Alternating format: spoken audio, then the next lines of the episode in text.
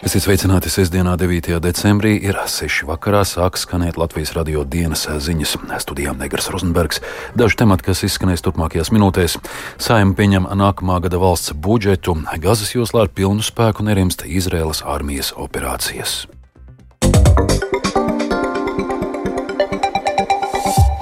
Saima pēc divu ar pus dienu darba ar 52 koalīcijas balsīm pieņēmusi valsts budžetu nākamajam gadam. Pret budžeta pieņemšanu balsoja 27 deputāti. Budžetā plānoti gandrīz 15 miljardu eiro ieņēmumi un vairāk nekā 16 miljardu eiro tēriņi. Budžeta deficīts plānots 2,8% apmērā no iekšzemes koprodukta. Valdības prioritātes nākamajā gadā būs ārējā un iekšējā drošība, veselība un izglītība. Turpinājumā premjera Sevikas Siliņas no jaunās vienotības teiktais pirms saimas saimnes balsojuma. Es domāju, mums jāiemācās būt pateicīgiem par to, kas mums jau ir.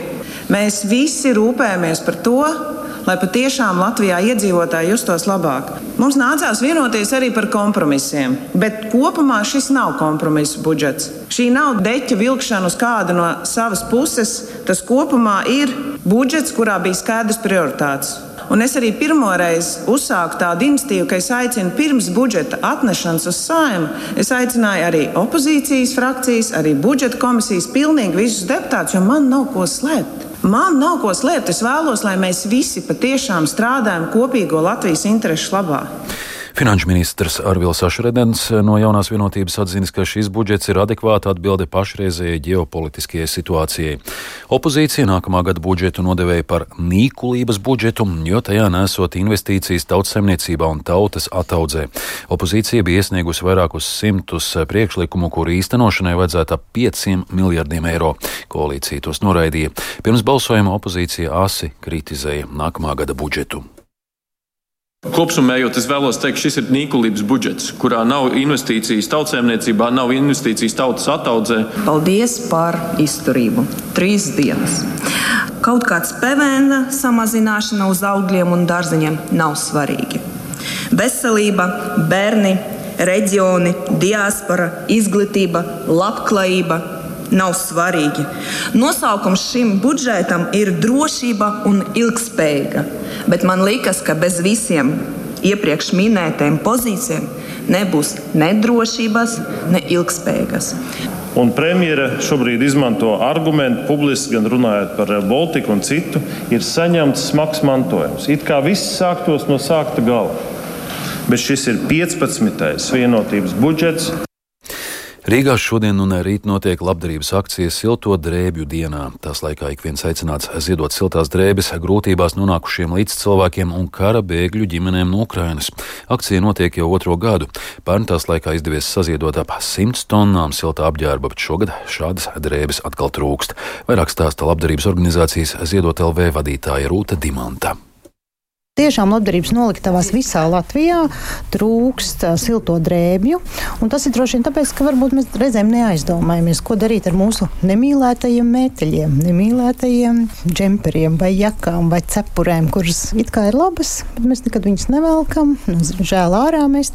Tad lūk, cilvēki ir aicināti tās noziedot. Noziedot jebkurai labdarības noliktavai visā Latvijā, bet, ja grib sestdienas svētdienu tieši silto drēbju dienā, tad tirzniecības centrā Spice un Tirzniecības parkā Alfa Akropole. Meklēt silto drēbju dienu stendu un tad atnest visas tās lietas, ko mēs varētu noziedot tālāk un dot otru dzīvi. Siltās drēbes uz tirdzniecības centriem šodien varēja nogādāt līdz 6 vakarā, bet rīt to var darīt atkal no 12 līdz 6 vakarā.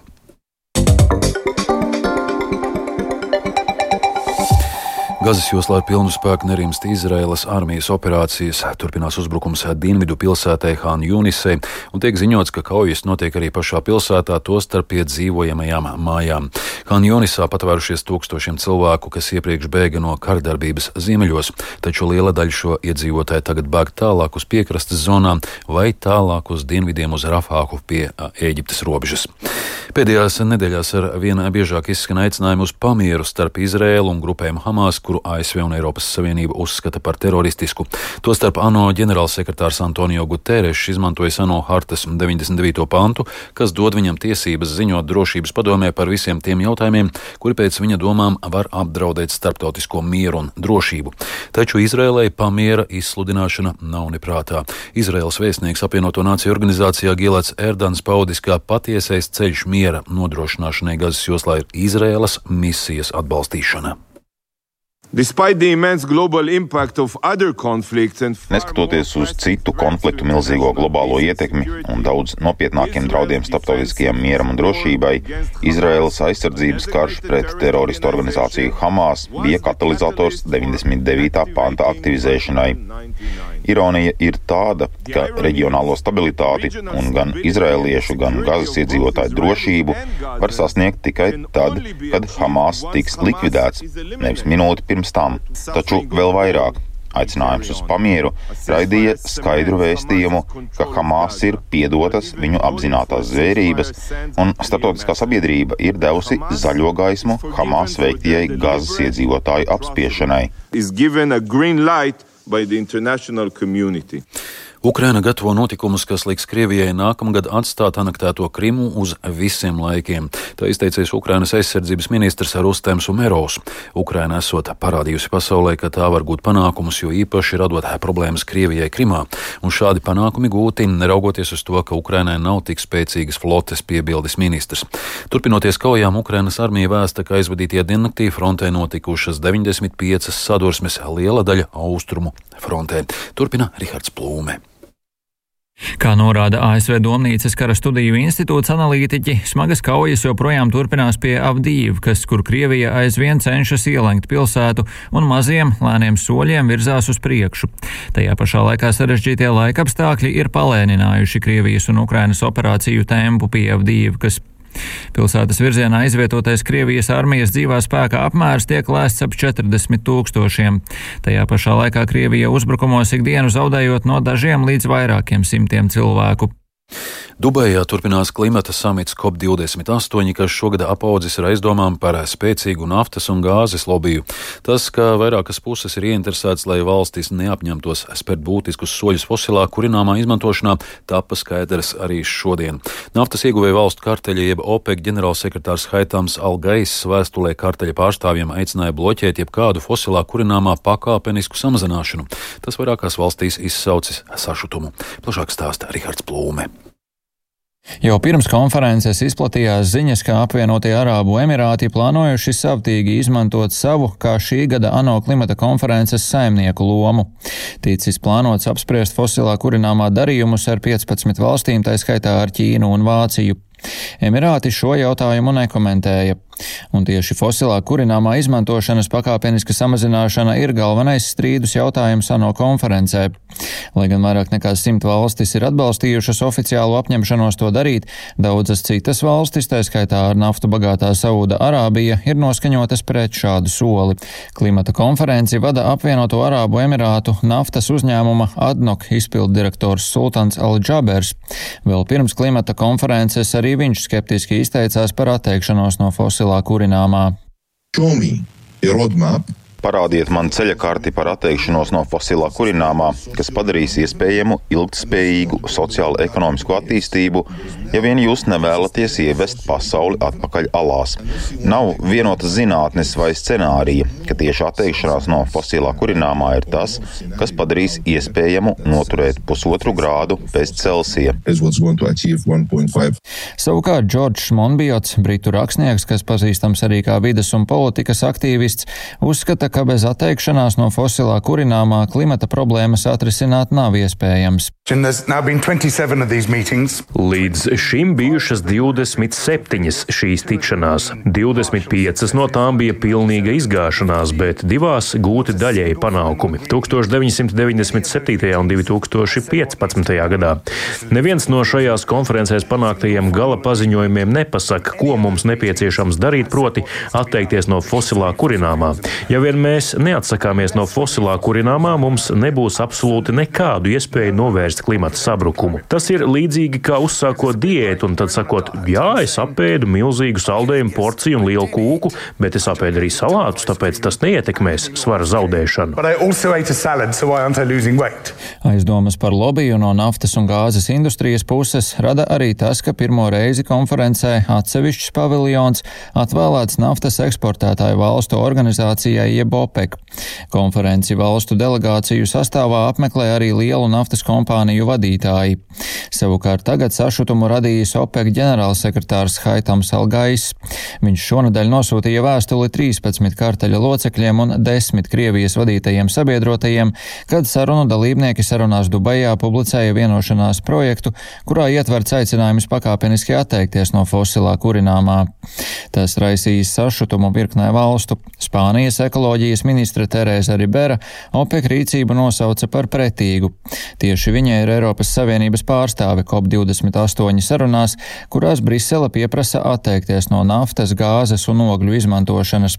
Tikmēr Francijas enerģētikas ministre Agnese Paņēruna Šēre paziņoja, ka ir šokēta par OPEC aicinājumu saviem locekļiem konferencē izjaukt jebkādu vienošanos par fosilo kurināmo. Rihards Plūme, Latvijas radio. Rīgā Volvo ledus halēs šodien ar izvēles programmas sacensībām noslēdzas Latvijas atklātiešu čempionāts daļas lidošanā, kurā piedalās arī pašmai labākais šī sporta veida pārstāvis Denis Vasiljevs. Viņš pēc vakardienas īsās programmas bija pārliecinošs sacensību līderis, bet par sacensību šodienas rezultātiem jau tūlīt vaicāsim Mārtiņam Kļaviniekam, kurš tās vēro klātienē. Sveiks, Mārtiņ! Sveiks, Aigar, un sveicināt arī Latvijas radio klausītāji! Vai visu dalībnieku sacensību slidojumi ir jau beigušies? Ir beigušies visi pieaugušo lidojumi, bet vēl ir darbiņš jāpadara junioriem. Viņš šobrīd atrodas uz ledus un sacenšas. Ar to arī noslēgsies Latvijas atklātais čempionāts, bet eh, varu ziņot par pieaugušo tātad prestižāko grupu rezultātiem. Nu, un kungiem tur, eh, kā jau tu minēji, pēc īsās programmas neapšaubāms un pārliecinošs līderis bija Denis Vasiljovs, un eh, arī pēc izvēles programmas viņš tāds palika. Viņš tātad arī triumfēja Latvijas atklātajā čempionātā, un jāsaka tā, ka izvēles programmas eh, slidojumā viņam eh, punktu kopsumma 174,14 punkti, un eh, Ļevam Vinokuram no Izraēlas, kurš palika otrajā vietā, 135,46. Tas nozīmē, ka gandrīz 40 punktu starpība kopumā um, starp pirmo un otro vietu. Nu, Denis pierādīja savu favorītu statusu un arī apliecināja to, ka viņš tāds ir. Savukārt, um, jā, nu, skatītāji veltīja viņam skaļus aplausus, arī mm, meta mm, ziedus uz laukuma un dažādas rotaļlietas. Tādu uzmanības apliecinājumi ir raksturīgi daislidošanai, vairāk gan Āzijas valstīs tādi masveidīgāk, bet arī Latvijā redzam, ka tas tā ir. Un Denisam šī bija tāda atrādīšanās Latvijas publikai pēc ilgāka pārtraukuma. Savukārt dāmām triumfēja Sofija Stepčenko, kur arī vakardien bija līderi pēc īsās programmas, tā kā favorīti šajā Latvijas čempionātā arī izcīnīja uzvaru.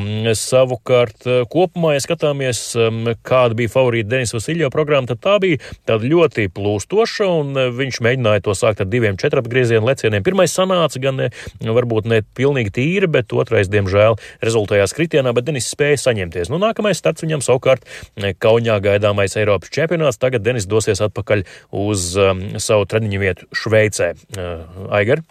Lielas paldies, Mārtiņ! Tas bija Mārtiņš Kļavinieks un pastāstīja par sportu. Dzirdējāt Latvijas radio dienas ziņas, producents Edgars Kupčs, ierakstus montēja Uldis Grīnbergs par labskaņu rūpējās. Rīta Karnača studijā Egers Rozenbergs vēl e, īsumā par svarīgāko. Saima pieņēmusi nākamā gada valsts budžetu ar 2,8% deficītu. Gazas joslā ar pilnu spēku nerimst Izraēlas armijas operācijas. Izskan sašutums par OPEC centieniem COP28 bloķēt fosilā kurināmā izmantošanas samazināšanu. Vēl tikai par laikapstākļiem. Yeah. Galvaspilsētas centrā mīnus 6 grādi lēns dienvidu austrumu vējš, atmosfēras spiediens 767 mm, relatīvais gaisa mitrums 88%. Sinoptiķi prognozē, ka tuvākajā diennaktī Latvijā gaidāms apmācies laiks, naktī daudz vietā sniks, atsevišķos posmos būs slideni ceļi, lēns dienvidu austrumu austrumu vējš, gaisa temperatūra mīnus 2,6, ziemeļa austrumos līdz mīnus 8 grādiem. Rīt vietām neliels sniegs, atsevišķos posmos būs slideni ceļi, lēns dienvidu austrumu austrumu vējš, gaisa temperatūra mīnus 1,6 grādi. Rīgā arī būs apmācies laiks, naktī un rīt no rīta neliels sniegs, arī lēns dienvidu austrumu austrumu vējš, gaisa temperatūra naktī un rīt dienā mīnus 2,4 grādi. Laika prognoze otrā labvēlīgā.